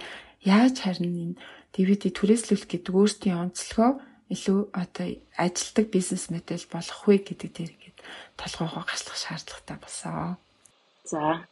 За тэгээд ингээд ерөөхдөө лонч хийснийхаа дараа тэр 100 бол ерөөхдөө нэлээд бас гайгүй амжилттай явж байсан. За тэгээд тэгээ явжсэн чи read нэг нэг ивент дээр Amazon SEO-тэй тааралдаа Joy Cover гэдэг хүнтэй тааралдаад ингээд яриа үсгээд тэгээд тэгсэн чинь харин юу Amazon ерөөхдөө Netflix-тэй уулзах сонирхолтой байна гэж тийм яриа үсгсэн байдаг. За тэгээд бид нар бол Amazon-ы Seattle-ийн офис руу ингээд явдаг байгаа. Уулзахаар болдог. За тэгээд яагаад ингээд ерөнхийдөө уулзах айгуу сонирхолтой байсан бэ гэхээр тухайд юу адилсан бэ гэхээр 1997 онд болохоор Amazon Jeff Bezos-ийн байгуулсан Amazon компани 1997 онд IPO хийчихсэн. Тэгээд тухайд тэндээс олсон мөнгөөрөө ойролцоогоор 50 хэдэн сая долларыг босгоцсон байсан. За тэгээд тэндээсээ олсон мөнгөөрөө ойролцоо тийм жижигхэн компаниудыг бол ерөөхдөө ингэж худалдан авч яасан acquisition гэдэг шүү дээ тий. Тэгэж худалдаж авч яасан тийм aggressively нэлээд ингээд хүчтэй олон жижиг компанид худалдаж аваа. Тэгээд Amazon тэр үедээ болохоор 98 онд болохоор ерөөдөө зөвхөн ном ном зарахгүй бид нар бол бүх төрлийн юм зарна гэж Jeff Bezos шийдсэн байсан учраас төрөлөөрийн жижиг компаниудыг худалдаж авчихсан. За тэр яг жилийн таарсан. Тэгээд тухайн үед болоо тэгээд нөгөө нэг Jeff Bezos заад DVD те жижиг одоо номтой төстэй юу байж болох вэ те намтай төс ном бол тэгээд яг шууд нь тэгээд айгүй амархан явчих боломжтой эвдэрдгүү тий тэгээд олон жил хадгалах боломжтой тий тэрэндээ адилхан юу гэж болох вэ чинь киноны кассетууд юм уу DVD гэж болох юм байна гэдэг. Amazon бас DVD рүү нөхдөс нэрчээс учраас Netflix-тэй болдог худалдаж авах юм хөө яриа яриа хийхээр болдог байгаа. За тэгээд ингээд Amazon-ы офис дээр ингээд очсон чинь харин ингээд нэг хаяг өгсөн тий Тэгээд тэр нь одоо хаягаар нэгээд яг аваад очсон чи хаанаага мэддэхгүй нэг амар бүрсэлсэн тийм юу нэг ингээ гудамга эргээд Тэгээд энэ нэг мөн нөгөө нэг алдартай Amazon очин чи энд явж байгаа юм бахтаа гэхээр процессын юмар ингээд орсон чи цаана нэг reception шиг хүн сууж ах шиг байна. За тэгээд тэрнлөө ингээд дохиод орсон чинь Amazon байж таардаг байгаа. Тэгээд ингээд яг ингээд офис нь орсон чинь өөрсдийнхөө баг офисыг нөгөө нэг марк өмнө ярьдсэн шүү дээ. Ингээд аяг хямдхан офис ингээд олсон. Тэгээд хүмүүс нь хүртэл ингээд гэрээсээ 30 ширээ санал зөөгд иддэг гэсэн чинь Amazon-ы офис бол тэднээс ч муухай харагдчихсан гэж байгаа байхгүй юу. Тэгээд тэр нь юу байсан бэ гэхээр бүр ширээнийх нь ширээнүүд нь ширээнийхэн тавцангууд нь болохоор тийм цоошин ширээч биш хуучин хуучин хэрэггүй болсон хаалгануудыг ингээд ширээ болго ашигласан. Тэгээд тэрэн доор ингээд хоёр хөл заасан ч юм уу тий. Тиймэрхүү байдлаар ингээд амар ингээд хөгийн бүр ямби офстэй байсныг харж ирсэн. Тэгээд тэрэнд ингээд Jeff Bezos-тэй ингээд яриад нийлдэж явахдаа бол ингээд Jeff Bezos-уугаас хэлжсэн. Энэ бол ингээс ингээд хуучин ингээд хаалгаар хийсэн ширээ болохоро бидний ажилтнад тэг сануулга болж байгаа маа. Учир нь юм бол бид нар бол компанида хамгийн тэг өөрийнхөө үйлчлэгч болон компанид орлого оруулахад зорилгох хэрэгтэй тэр хамгийн чухал зүйлтэй мөнгө зардаг зүйл байгаа. Тиймээс хэрэггүй зүйл мөнгө заруулдаг. Одоо ямар ширээн дээр гой ширээн дээр соноо муухай ширээн дээр соноо тэр бол ялгаагүй ажил бол ажил байх хэрэгтэй. Ажлыг гүйцэтгэж чаддаг байхтай гэдэг үгнээс ийм зүйлээс сануулга хийж ямаа гэж зориуд ингэж байгаа. Гол нь хэрэглэгч хамгийн чухал гэж үгнийг мессеж өгч байгаа гэдэг. Тэгээд ингэж яриагаа инээжсэн. Тэгээд тэр нь бас Марк Орго бас бид нараас яг адилхан бид нараас өгөө технологитол мөнгө зардаг өөр юм зардггүй гэж ингэж яриа инээжсэн ба. За тэгээд Марк өөрийнхөө хамтран мөнгөс байгуулагч Rich Haslett-тэй энэ митинг рүү явсан. За тэгээд ингээд бас өөртөө CFO-тэй тэг гурлаа митинг татсан ба. За тэгээд ингээд яриа үргэлжлүүлсэн чинь Reed бол нэлээд нөгөө айгуу тийм лого сэтгэлгээр боддог нэг яриа үргэлжлүүлсэн чинь ингээд сони яриа нь явж өгөхгүй ингээд тойруулаад яриадсан бол нөө жишээлбэл гайхаад юу яах гэж бид нартай уулзсан ингээд ингээд шорлоо хаасан чинь та нарыг одоо худалдан авах боломжтой. Netflix-ийг Amazon худалдан авах тийм боломжтой байна. За тэгээд үний саналаа хэлгээд тэгсэн тийм. Тэгсэн чинь хэд гэж бодож ийн гэдэг ингэсэн чинь Amazon бол ойролцоогоор одоо доод одоо гэдэг 8 8 ордоо тоо тий доод 8 ордоо тоогоор ярьж ирэх гэж хэлж байгаа. Тэр 8 ордоо тоог нь ойролцоогоор 14-өөс 16 сая долларыг санал болгож байгаа. 14-өөс 16 сая доллараар Amazon Netflix-ийг одоо хөдөлгөж авъя. Өөрийнхөө компани болгоё гэж ингээд санал болгосон чинь хавдар үсэн малгаж read бол угаасаа шууд хүү гэж хэлсэн. Одоо таалагдах байна юм тий. За яри яри гэдэг үгнээс ингээд яриа төгсөөсөн баг. Өөрт нь бол reading хувьд бол ерөөсөө үнэн нь бол маш бага санагдсан. Энэ бол хангалтгүй гэж үзсэн. А гэтэл бол маркийн хувьд бол 15 сая долларыг хөдөлгөж авна гэдэг чинь сая бол энэ компани зөвхөн санаанаас гаргаад гэд лончийг хүртэл ойролцоогоо 12 сарын турш ажилласан байгаа байхгүй юу. За тэгээд 12 сарын турш ажиллаад 15 саяар зарханд бол нэлээд гайгүй тий. Тэр нөгөө 30% нийтэмшиж авах гэж ойролцоогоо 5 сая долларыг 12 сар ажиллаад олно гэдэг чинь өөрийнх нь хувьд гой сонсогдож байгаа. Тэгээд өө ямар гоё на гэж бодчихсон бол read болов уусаа нэг хөвчлийн төшөрөөгөө очих юм бол read бол аль хэдийн өөрөө а баг 8 оронтой тоогоор үнэлэхээр хөрөнгөтэй хүн байсан. Тэр нь бол ерөөхдөө нэг хэдэн 100 сая долларын хөрөнгөтэй хүн байсан учраас 10 сая долларыг нэмэх бол read-ийн хувьд бол нэг сонирхолтой байгаагүй. Тийм учраас энэ бол энэс илүү сайн потенциалтай бизнес учраас таарахгүй байсан дээр юм байна гэд ерөөдөө бол ингээд Amazon ингээд Netflix-ийг 1990 одоо 8 онд худалдаж авах боломжтой байсан бол үнэн зөвшөлдсөөгөө хоорондоо яриа хийжсэн байгаа. За тэгээд ингээд ерөөдөө гардаг байгаа. Яриа юмсан. За тэгээд энэс ерөнхийдөө юу гэж ойлгосон бэ гэхэлэр аа Read Mark хоёр бол юу гэж ойлгосон бэ гэхэлэр Amazon бол яа харахгүй аа номыг бол маш сайн зарж байгаа тийм. Тэгээ дараагийнх нь бол зүйл бол DVD ч юм уу тиймэрхүү зүйл рүү орох нь ойлгомжтой болчихлоо. Хэрвээ Amazon ингээд DVD-г бас ингэж зараад эхлэх юм бол бидний яа харахгүй хамгийн том өрсөлдөгч болох нь ойлгомжтой болчихлоо тийм.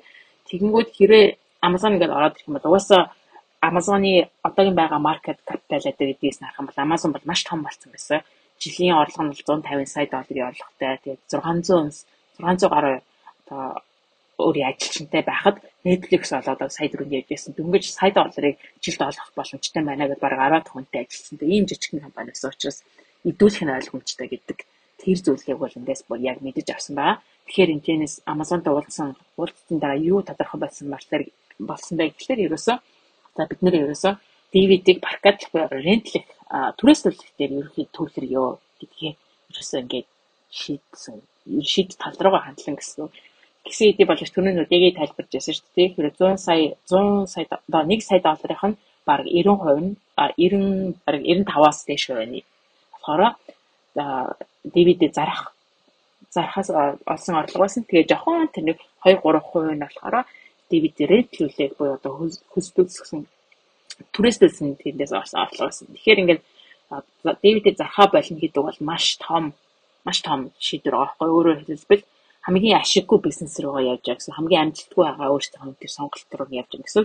Гэхдээ DVD зарах гэдэг бол дөнгөж одоохондоо ингээд богино хугацааны л орлого а урт хугацаанд болохоор яа харахгүй DVD-гээ түрээсдэл гэдэг бизнес хэрэгтэй. Гэтэ юм бүсээ чангалах гэсэн үг юм бол ирээдүйд тийм юм хэцүү зүйлтэй тулгарч байна гэдгийг ойлгосон. За тэгээ үүнийг одоо илүү DVD-гээ түрээсрүүлэх бизнесээ илүү сайжруулахын тулд мэдээж одоо илүү хөрөнгө оруулах шаардлагатай болсон. За тэгээд энэ удаа болохоор өөрсдийнхөө мөнгнөөс биш харин venture capitalist гэдэг яг нөгөө ханаг гарааны бизнес мөнгө оруулдаг хүмүүсээс мөнгө оруулах шаардлагатай болоод энд нийтдээ 4 сая долларыг бижээс хөрөнгө оруулалт гаргасан байгаа. За дараагийн нэг өгшөөний сонирхолтой нэг хийсэн зүйл нь болохоор маркетингээс маркетингийн нэг шинэ сонирхолтой санаа гаргасан. Tashiba болон Sony гэдэг DVD плеер гэдэг DVD тоглуулагчид гэдэг тэр компаниудаас компанитай хийсэн маркетингийн үйл ажиллагаа хийсэн тийм.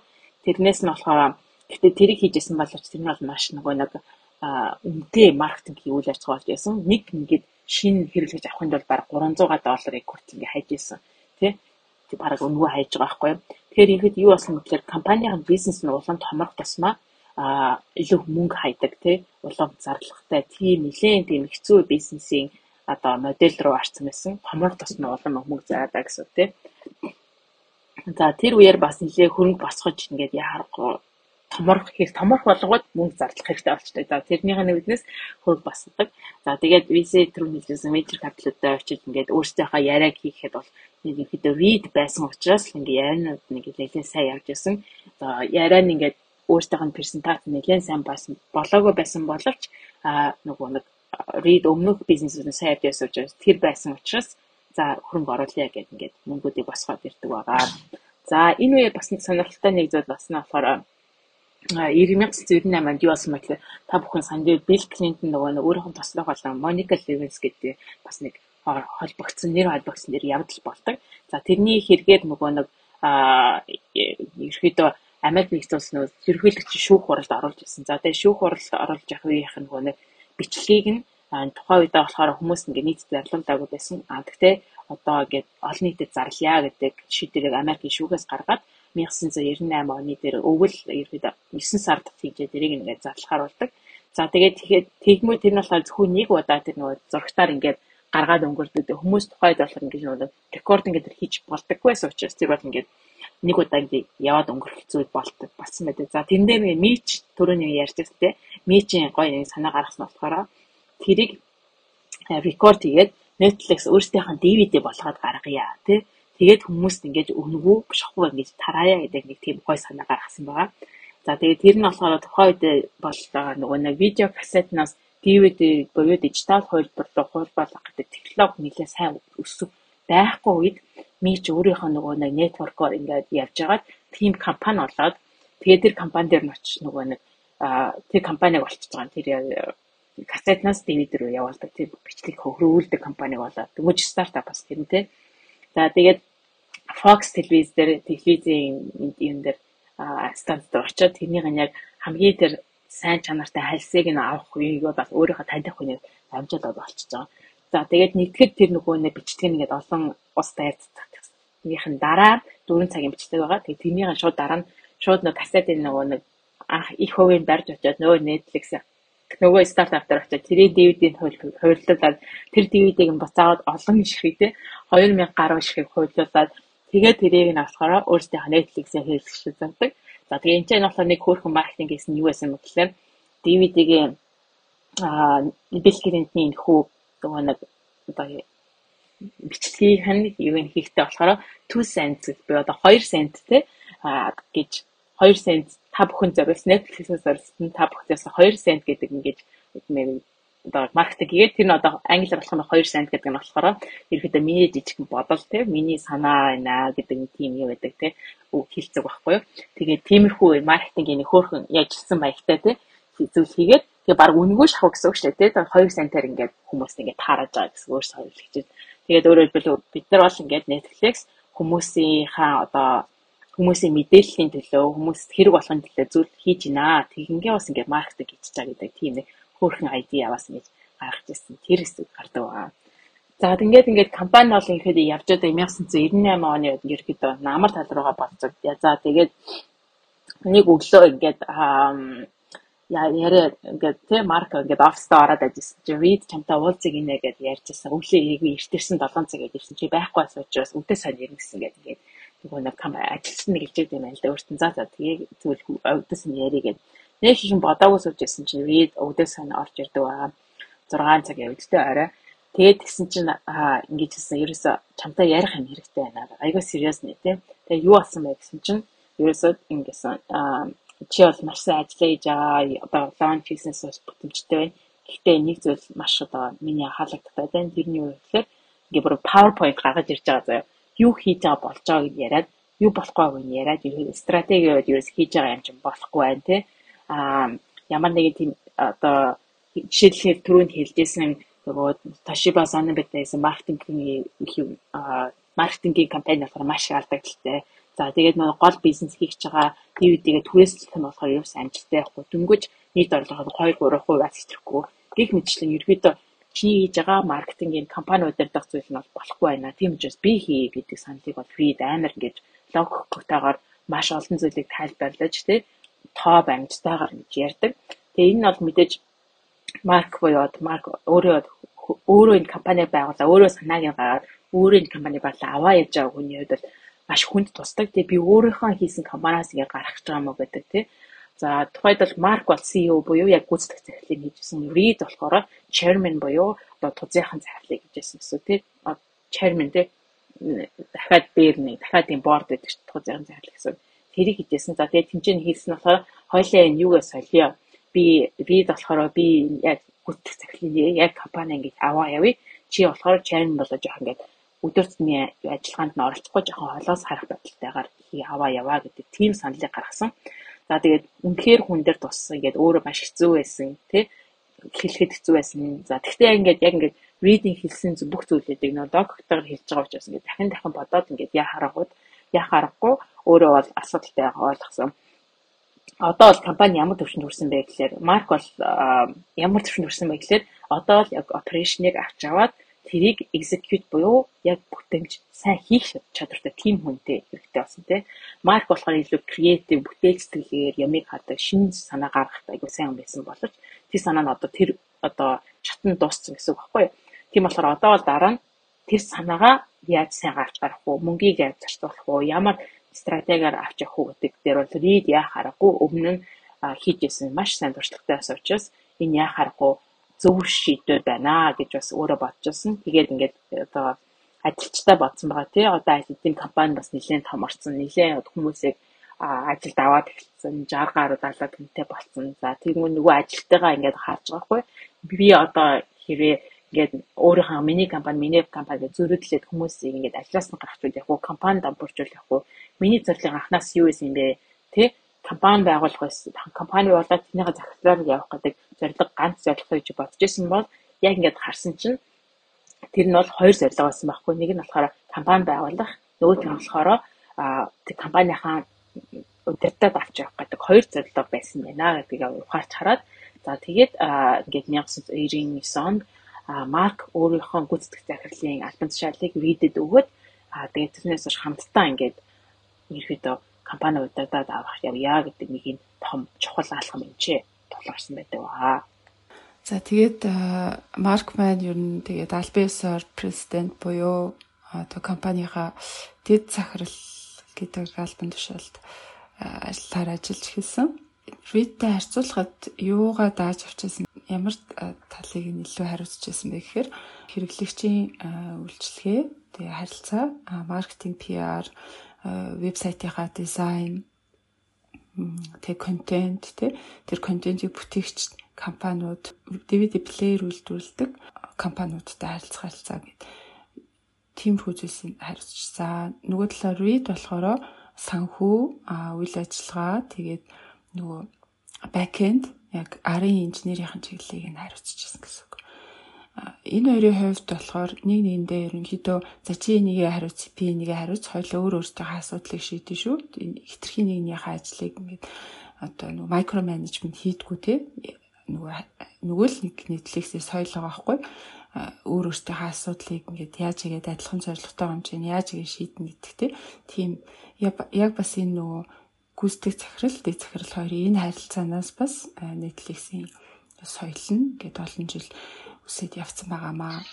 Дотроо бол ийм үүрэг хариуцлагын хуваарлалтай байсан. Гаднаасаа харахад болохоор одоо Reed CEO гүйцэтгэх захирал байх нь маш чухал байсан. Ялангуяа хөрөнгө оруулагчид, venture capital-уудын нүдэнд хөрөнгө оруулагч бүсүүдийн нүдэнд бол Reed хамаагүй туршлагатай, хамаагүй найдвартай, олон амжилттай стартапуудыг ингээд босгоо төл дээр нь тогтоосон ийм хүн болохоор Reed компаниг төлөвлөж авах нь хамаагүй ашигтай байсан гэсэн үг. За тэгээд яг энэ Reed-ийг орж ирснээс хойш, гүйс захирал болсноос хойш ерөнхийдөө ингээд ажил үргийн хуваарлт өөрчлөгдснөөс гадна бүтэц зас жоохон жоохон өөрчлөгдсөн. Өмнө нь бол одоо маркийг зохиогчийг байхад болохоор цөөхөн хүнтэй гэхдээ нөгөө нэг тэр хүмүүс нь илүүтэй ингээд аюу тийм креатив бүтээлчтэй а олон олон талын мэдлэг generalist гэж хэлдэг шүү дээ олон талын зүйл чаддаг. Тэгээд асуудлыг ингээд аюу бүтээлчээр шийддэг ийм дөнгөж санаа байсан зүйлийг бодит зүйл болгоход чинь аюу тийм асуудал шийдэх бүтээлч чадвартай байх хэрэгтэй гэдэг чинь. За тэгэхээр ийм хүмүүс хөвчлэн байсан бол а Reddit орж ирснээс хойш энэ компани ерөөхдөө ингээд цаашдаа удаа оршин тогтнохын тулд илүү томорхын тулд илүү мэрэгжлийн болохын тулд үүрэг хариуцлага одоо ажил үүрэг болгон дээр илүү гүнзгий мэрэгсэн специалистууд илүү их хэрэгтэй болж эхэлсэн. А асуудал нь бол гэхдээ DVD бодлож авах олон байгаа гэдэг түрээслэх хүм цөөхөн байна гэдэг асуудал шийдэгдээгүй л байсан. Амжилттай бизнес модель нь олдохгүйсэн гэсэн үг. Маркийн хувьд бол бүхий л зүйлийг туршиж үзчихсэн. А маркетингийн хүн болохоор тэг ингээд нэгийг авбал хоёр дахьыг нь үнгээд үнгөө түрээслүүлэн ч гэдэг юм уу эсвэл э, багцаар нь түрээсэлж одоо янз бүрийн промошнууд ингээд зөндөө их явуулж утсан бүр янз бүрээр оролдож утсан ерөөсө болохгүйсэн. За нөгөө Amazonтай хамтын ажиллагаа эхлүүлээд DVD худалдаж авах бол бид нар Amazon Amazon-ы линкийг тавиад ингээд Amazon руу үсэргээдэй. Эсвэргээрээ Amazon-ы сайт руу орж ирээд DV түрээслүүл гэсэн турист гэсэн хүмүүсийг манайх руу Netflix руу ингээд үсэргээд агаараа гэд линк харилцсан хоорондоо линк ингээд өөр өөртөө вебсайт дээр тавьж үтсэн. Amazon-ы хувьд энэ айгүй ашигтай дийлвэсэн. Netflix-ээс хэдэн зуун одоо мянган хүн ингээд Amazon руу энэ шугамар одоо DVD худалдаж авах гээд орж исэн бол эсвэргээрээ Amazon-оос ингээд Netflix-ийн талаар мэдээд тэр линктээр нь дараад орж ирж байгаа хүн маш цөөхөн юмсан. Яагаад тэгэхээр Amazon магадгүй энэ хамтын ажиллагаанд нэг ажил бүтэл олгоогүй бах тий. Тэгээд тэр линкүүд нь ерөөсөө олох хүн олоход хэцүү ийм нуугдмал газар байршдаг ч юм уу. Тэгэхээр ер нь ингээд нэг одоогийн бизнес модельээр явахгүй байна гэдэг ингээд харагдаад байсан. За тэгээд маркет нэг өдөр ийм санаа төрсөн Тэр нь болохоор сан хосэд байдаг агуулга дээр очсон байл та. Тэгсэн тэн дээр бүр ингээд хэдэн 10 мянган DVD-ний ингээд нөөц үссэн. Хизээч хинж ингээд ерөөсө түрээсэлтгүй ч DVD байсан. Тэгэнгүүт Марк Ритэ ярьсан л да. Одоо яах вэ ингээд бид агуулгад нэг л болон DVD хадгалсан хүмүүс агаад идэг. Эсвэргээрээ нэг л ингээд DVD зүгээр хитэж байгаа юм чинь хоёлаа ягаад энийг хэрэглэгчийн гэрт нь хадгалж болохгүй гэж те бид нэр агуулгынхаа зардлыг хэмнэн нөгөө талаараа хэрэглэгч гэсэн яаран сандрын DVD 7 хоногийн дотор буцаах шаардлага байхгүй. Ингээд өссөн хугацаа хугацаагаараа ингээд тэр DVD-гээ дахин дахин үзэл гэртээ байлгаад иж болно.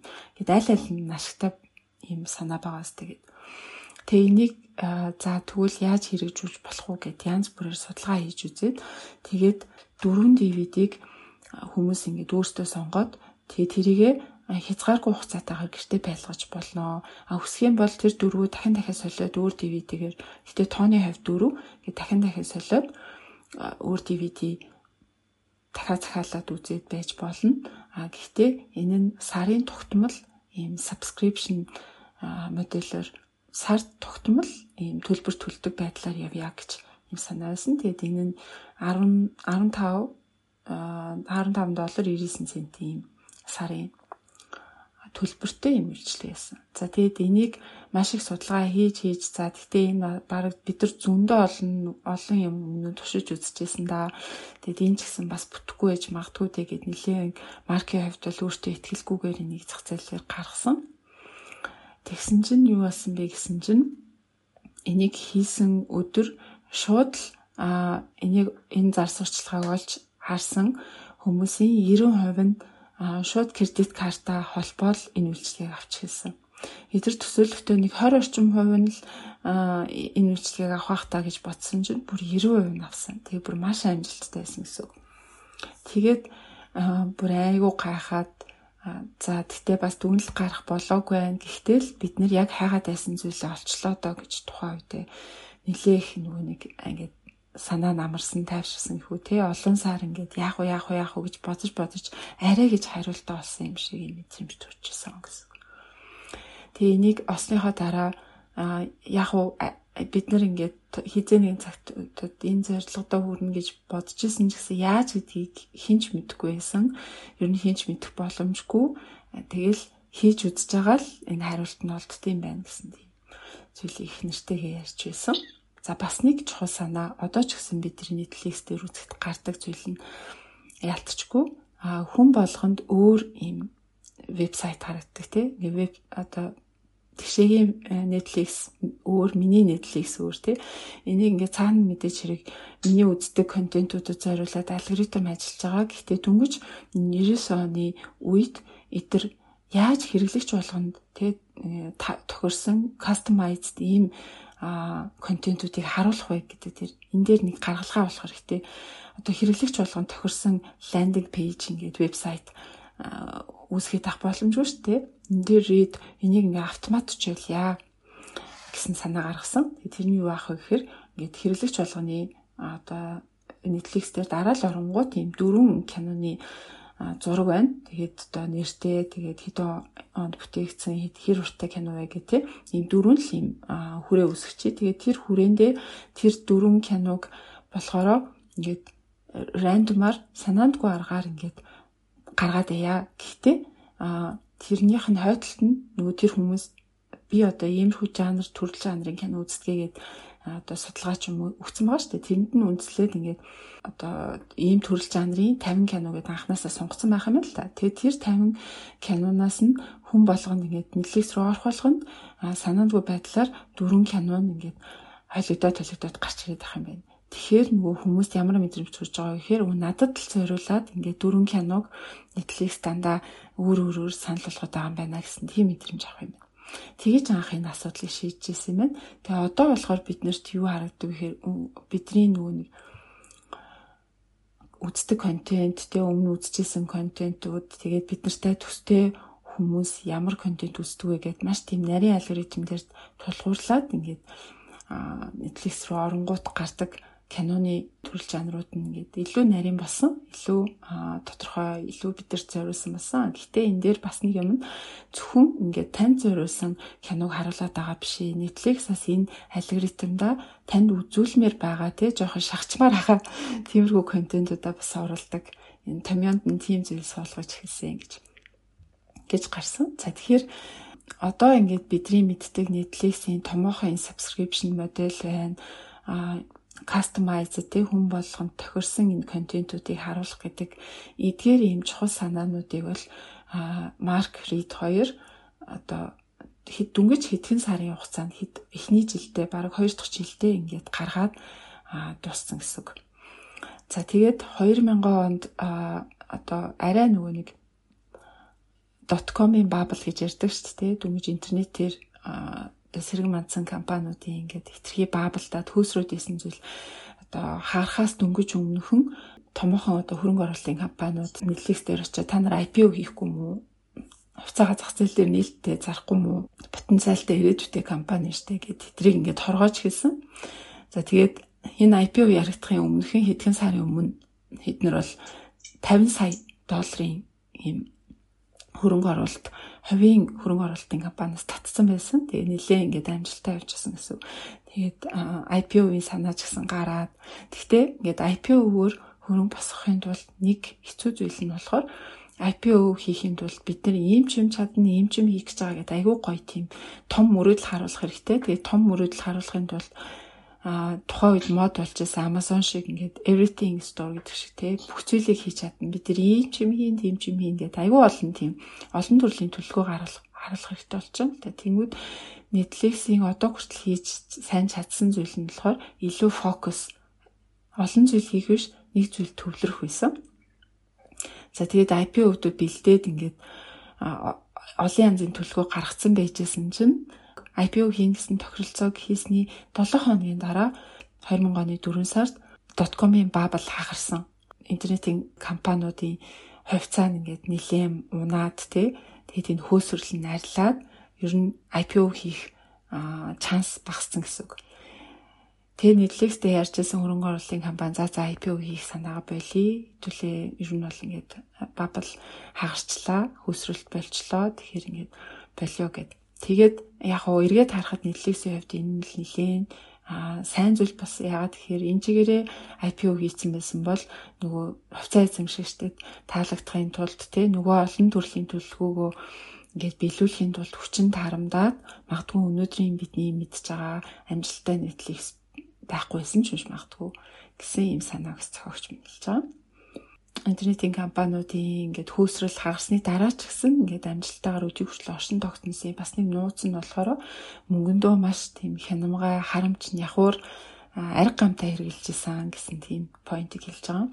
Бусад одоо компаниуд бол яасан бэ гэхээр нэлийн үрлэгэн байсан амжилттай бизнес модель олоочгүй мөртлөө ингээд маркетинг гэдэг төр хийх мөнгө цацааж тийм дээ нөгөө супер боул гэдэг Америк хөл бөмбөгийн томоохон тэмцээн байдаг ш. Тэн дээр ингээд жишээлбэл ганцхан телевизийн сурталчилгаа явуулахын тулд 2 сая долларыг өгөх ч юм уу дөнгөж стартап байж тээ.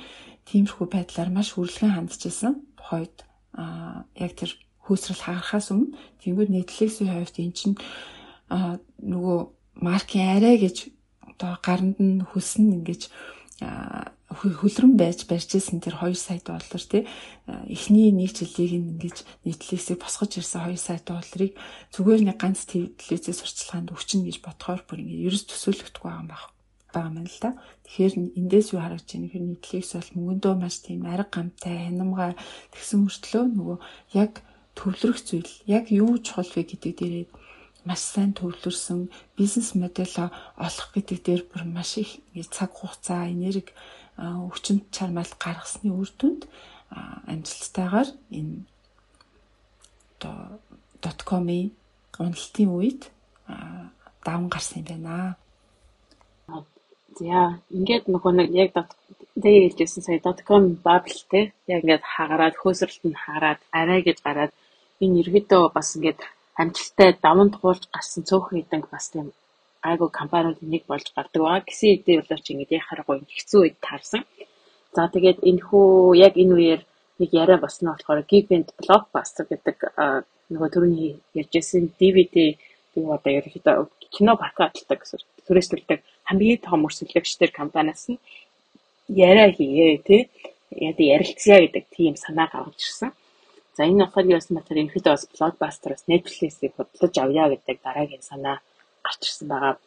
За тэгээд гигэнт энэ хүү одоо энэд болохоор нэг компанийнхаа компаниараа аялалд яваад бүгдээр ингээд нөгөө нэг баг тим билдинг гэдэг чинь тий бага ингээд сайжруулах тийм аялал хийе яжсэн чинь юуг дуудагдсан. Тэгээд ингээ шүн бүр ингээд нөгөө ч мөр амар ингээд тий халж малцсан байжсэн чинь яриа гараад маргааш өглөө манай хотод хүрээд иргээд тэгээ тийшээ нисэж очихын тулд 2 3 цагийн бат цагийн зөрөөтэй тэгээд ингээд нэг амар хідэн зарайлцсан юм тий очоод ингээд бараг л нэг яг нөгөө цахирын өндөгөөс очиж байгаа хүмүүсийг хэлэх үү яг л энгийн хуцтайгаар ингээд блокбастерын Далласын яг төв ус салбарт нь очдөг байгаа. За ингээд очисон чинь тэдрээ блокбастер яг CEO нь Джон Атиаго гэдэг бас хүн ингээд яг өөрсдөө уулзаад за тэгээд ингээд яа харахгүй нөгөөдөг чинь маш амжилттай явж байгаа том компани байсан. Тухайд бол ерөөдөө блокбастер саяхан бас хэдхэн жилийн өмнө IPO хийгээд мөнгө олцсон. За 450 сая доллараар үнэлэгдэх болсон 60 га 60 мянга гаруй ажилчинтай 600 гаруй салбартай одоо ерөнхийдөө Америкт хамгийн том DVD рентл одоо кино рентлийн прокатны газар ийм болтон байсан компани байсан байгаа.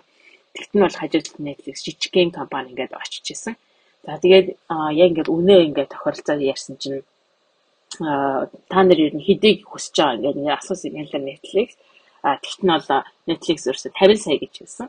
Тэгсэн чинь нөгөө нэг баг юу н захирал нь блокбастерын захирал нь өөрөө инээдээ тарж чадахгүй инээсэн те та юу ярьж байгаа тий өөрсдөө тийм том гэж бодоо юу гэдэг те а таад бол тийм баг мөнгө 50 саяар бол юу 50 сард хүрэх тийм болоогүй байна гэдэг баг тийм санаагаа. Тэгээд ингээд яагаад тэгж үтсэн бэ гэхлээр нөгөөд нь болохоор одоо тий энэ интернетийн дээр нөгөө хөөсрөлт чинь угаас хаагарсан тийм үед одоо та ийм хүн асууж болохгүй гэж хэлжсэн боловч марк бол дотроо бодохдоо бол нет бол блокастер бол бас хэд яхаагүй блокастер бол Netflix-тэй харьцуулбал хамгийн хүчтэй тий хамгийн одоо бүхэл нөгөө нэг тоглолтын дээр бол бүх хүзрийн хамаг хамгийн том одоо тийм хатгцсан тий тийм байдалтай оруулсан. Гэхдээ блокбастерын үед бол хэдэн сул тал байсан. Нэгдүгээр сул тал нь болохоор хүмүүс ерөөсөө нэг үзий яддаг. Тийм тийм ерөөсөө ерөөсөө дуртай байдаг блокбастер бүгд үзий яддаг. Нь юм бол ингээл байсгээл ингээл юу тийм юм болсонгүй гэл ингээл маш олон төрлийн хураамж авдаг. DVD нэг өдөр хоцруулж чаар 5 долларч юм уу ингээд маш их хураамж авдаг. Тэгээд хүмүүс нь дэлгүүрүүд нь гоё штэ хүмүүс нь ч сайгаа штэ биш ерөөс ингээд үйлчлүүлэгч нь бол таалагддаг тийм зүйл байсан. Хоёрдугаар бол бүх зүйл бол интернеттэй холбоотой болж байсан. Өөрөөр бүх зүйл онлайн болж байсан. Тэр үеэр таасан гэхдээ блокбастер бол дэлгүүрт ингээд офлайнаар зардаг тий DVD ингээд ингээд худалдаж аваад биеэр барьдаг. Тийм юм бол ирээдүйд байхгүй байхгүй болно гэж Маркос өөрөө харж байсан учраас блогосоо тэрнээс бол одоо оройтцсан байна гэж харж ирсэн. За тэгээд ерөөдөө ингээд энэ одоо Netflix-ийг худалдаж авах гэдэг тэр санаа бол ингээд ерөөдөө байхгүй болчихж байгаа юм л да. Хитээ ингээд энүүдэн ингээд хийсэн боловч за тэгээд үүний дараа ингээд нэгэнтээ одоо нөгөө нэг юу .com-ийн хөөсрөл хаагарсан байгаа. Тэгэхээр ерөөсөө баг IPO-ийн худлаа болчихсон гэсэн нөгөө юмнууд нь тэг бусад компаниудад харьцуулахаа. За тэгээд блокбастер бидний худалдаж авч чадхаа болчлаа гэсэн. За тэгэхээр ингээд Netflix бол ерөөдөө ямар нэгэн компани худалдаж авах юм IPO хийх гэдэг нөгөө нэг гарааны бизнесийн одоо угаасаа нэг ердийн одоо мөнгө олох одоо үүсгэн байгуулагч нь хэрхэн мөнгөө босож авдаг вэ гэхлээр IPO хийх юм уу эсвэл хэн нэгнэр худалдаж авах гэдэг хоёр гарцдаг. Тэрний ингээд ерөөдөө хоёлаа байхгүй байгаа юм л да. За тэр үед нь ерөөсөө юу хийсэн бэ гэхээр за зөвхөн ерөөсөө ганцхан л гарцуулдаг. Тэрний үг гэхээр блокбастерыг бодоолоо гэдэг. Тэр л гарцуултай гэдэг. За ингээд аа ерөөдөө энэ яг .com-ийн тэр хөөсрөл ингэж 2000 он 2001 онд хагарсан энэ үеэр бол яах аргагүй мөнгө босгох маш хэцүү болсон. За тэгээд энэ тентхийн хөрөнгө оруулагч ч гэсэн мөнгөө татаж эхэлсэн. За тэгэхээр өөрөөр хэлбэл Netflix юу хэрэгтэй болсон бэ гэхээр ерөөсөө бүсээ чангалах гэдэг ганцхан л ерөөсөө хэрэгтэй болж байгаа юм л да. Аа сонголттой болсон. За тэгээд 2001 оны үеэр энэ сүүлдэхэд бол ерөөдөө хагас сая хэрэглэгчтэй болоод нөгөө төрний дэгийн тайлбарж байсан тийм ямар нэгэн дүүдээ одоо хизээч хүссэн цагтаа хэрэглэж байдаг хүссэн хоногоо хэрэглэж байдаг тэр нөгөө нэг юм бол нэлээд гайгүй амжилттай явж байсан тэрүүгээр хийж байсан боловч тэр нь бас хангалттай байсан. Тухайн үеийнхээ одоо хүмүүсийнхаа ажилчтайхаа тоонд харьцуулахад за тэгээд маш олон зүйлийн төрлийг бол одоо зардлаа хэмжихэд бол олон төрлийн зүйлийг таньж гэсэн тэг хэрэгтэй өрөхгүй зүйлүүдийг хассан зарим хүн дуртай байдаг байсан. Одоо ямар нэгэн тэг үйлчлэгийг хүртэл хассан тий их мэдчлэн баг баг хассан боловч яа харахгүй хассаад хасаад дахиж нэмж зардлаа танах шаардлагасан тэр нь юу байсан бэлээ ажилчтай халах гэдэг тэр хэцүү шийдвэрүүдийг бол яг энэ 2000 2001 оны үеэр хийхээс гаргасан. За тэгээд энэ шийдвэрийг гаргана гэдэг бол маш хэцүү. Учир нь юм бол өдөрт л одоо ингээ хийгээд бариад ирсэн компани тий ажилтсажийн хойно зөвхөн ажилласан гадна ар гэрн байна. Заримдаа хоёр аж хамтдаа ажилладаг хүмүүс байна тий. Би энэ үдцсэн ар гэрээ тэжиж байгаа хүмүүс байна. Гисэн гэдэг боловч компани хэрвээ амжилтаа авч яваа гэх юм бол одоо гаргахаас өөр хийхээс аргагүй тийм шийдвэр байсан байна. Одоо нэг жишээ хэлсэн нь болохоор жишээлбэл усан онгоцсон ингээд далайд удаа явчихаар ингээд доор нь ингээд хисаа ингээд маш ингээд олноороо бүглэрчдэг. Тэгэнгүүт ингээд сүүл рүүгээд усан онгоц нь хурдаа авч чадгаа болчихсон юм байна л да. Тухайн үед нь болохоор тий усан онгоцыг хавраа газар гаргаад доотлолт нь бүглэрсэн маа хисаануудыг нь хосож арилгаад усан онгоцоо нэг сайхан ингээд засах шаардлагатай болдог. Тэгээд буцаад далаад гаргахаар усан онгоц хурдан явдаг.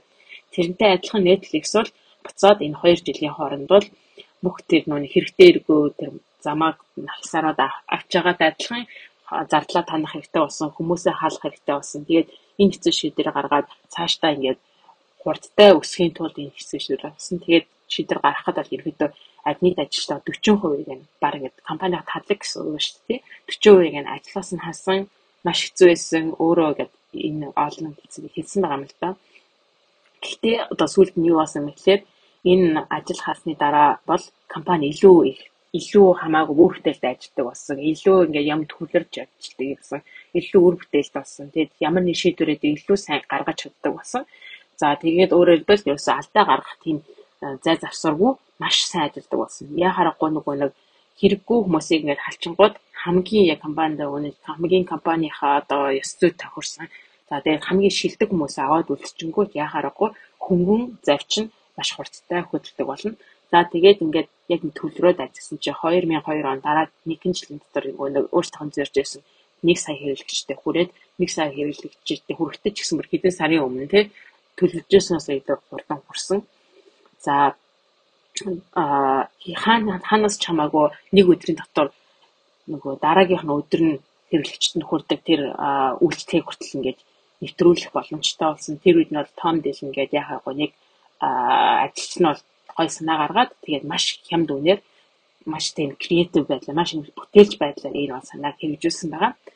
За за ингээд ингээд том ерөнхийдөө өдөр болсон тэрний болоор 2000 2002 онд Netflix маань олон тэг IPO хийгээд одоо өөрийнхөө хувьцааг олон олон нийтэд ингээд зардаг тийм одоо олон нийтийн компани болсон байгаа. А энэ бол Nasdaq дээр ингээд гаргасан. Тэгээд өөрсдийнхөө ингээд хувьцаа нь болохоор анх гарахтаа NFLX гэдэг тийм ticker ингээд тийм хувьцааны индекс гэдэг чинь тэрээр гараад тэгээд Amazon, тэгээд Microsoft гэдэг зэрэгцэж а худалдагдаад анх худалдаж анхны өдөр болохоор 16 доллар 19 центээр гэж хамгийн анхны үнэ тогтоож байсан. Тэгээд тухайд бол маш баяртайсан. За тэгээ тэр өдрийн хонтох болно гэдэг номон дээр сүүлийн бүлэгт надгүй бүтэн бүлэг болгоо тий юу хийжсэн яаж тэр одоо Nasdaq руу явж байсан тий яаж ингэж маш сэтгэл давталж ирснээр хүртэл ингээд Mark Randall ингээд өөрөө бичдэг байгаа. За тэгээд одоо бол ингээд Netflix компани тухайн үедээ болохоор ерөөдөө хөрөнгө оруулах хуцаагаа зарж нээлттэй зарж ирэхдээ 70 сая долларыг босгоно гэдэг тийм төлөвлөгөөтэй босгож анх тухайн үедээ гаргаж ирсэн яг өнөөдөр би одоо шалгахад Netflix компани бол 180 тэрбум долларын ийм хөрөнгөтэй хөрөнгөөр үнэлэгдэх маркет капитализмтэй тийм одоо том компани болсон байна. За анхаа ерөөдөө ингээд энэ ном ингээд энэ хүү Netflix IPO хийсэн өдрөөр ингээд ерөөдөө ингээд дуусж байгаа. Өөрөөр хэлбэл анх үүсгэн байгуулагдсанаас хойшоо нэг хэдэн жилийн 6 5 6 жилийн энэхүү түүхийг ингээд харуулсан байдлаар ингээд ном маань төгсөж байгаамаа. Тэгээд ингээд номын дараа бас ингээд шалгажсэн харж байсан чинь Google гэсэн Mark Randolph бол компаниасаа 2002 онд тийм IPO хийсний дараах нь ерөөхдөө бол гарсан байгаа. Тэгээд өөрөө бас дахиад өөр компаниуд дээр ингээд одоо board ч юм уу зөвлөгч игээд ингээд явдаг ийм хүн болсон байгаа. Мм.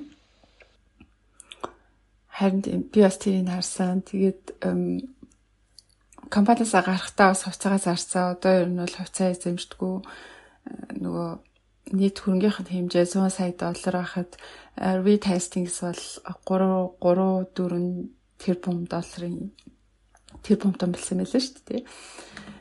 Тэгээд тэр нь жоохон харамсалтай байсан.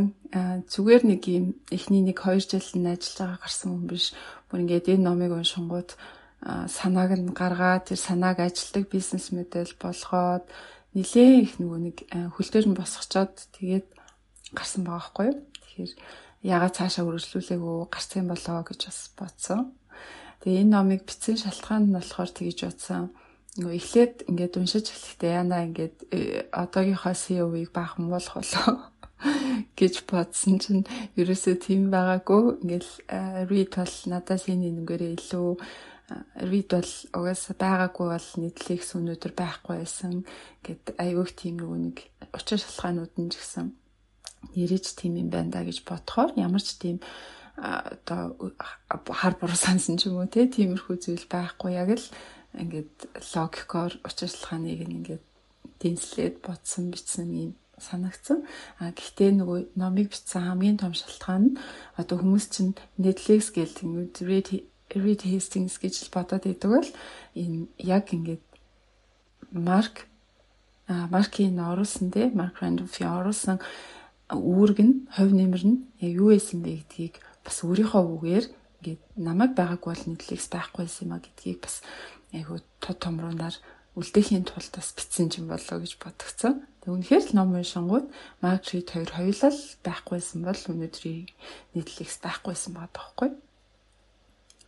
Тэгээд зөвхөн одоо Netflix гэлтгүүгээр одоо энэ subscription model ч гэдэг юм уу тий эсвэл энэ дараа өдрийнх нь хүргэлт гэдэг юм тий нэлээд юм нөгөө өнөөдөр бидний хэрэглээнд ингээд айл хэдийн нэвтэрч гисэн хөвшч гисэн энгийн болцсон зүйлсийг анх ингээд бүр алаан болж иж одоо бүтээж исэн юм байна. Олж нээж исэн юм байна. Тэгээ энэ нь бас Netflix-ээс уршилтай байсан юм байна. Бүр Netflix чинь саяхан л одоо баг 5 6 жилийн өмнө л нийтээрээ үздэг болчихлоо ш. Тэрнээс өмнө болохоро гээд бүр 2000 1990-ад оны компани байсан гэж сонсч байсан. Тэгээ ингээд анхныхан бүтээсэн түүхийн сонсонгууд DVD-г нь э, одоо шуудангаар явуулж ирсэн ийм компаниас үүсэлтэй гэд ийм айгүй гоё стартап майндсеттэй шинийг бүтээх бүр ингээд тэмцэгч те ийм соёлтой компани байсан юм байна гэдгийг бас мэдэх айгүй том боломж байлаа л гэж бодлоо энэ ном уншаад. За.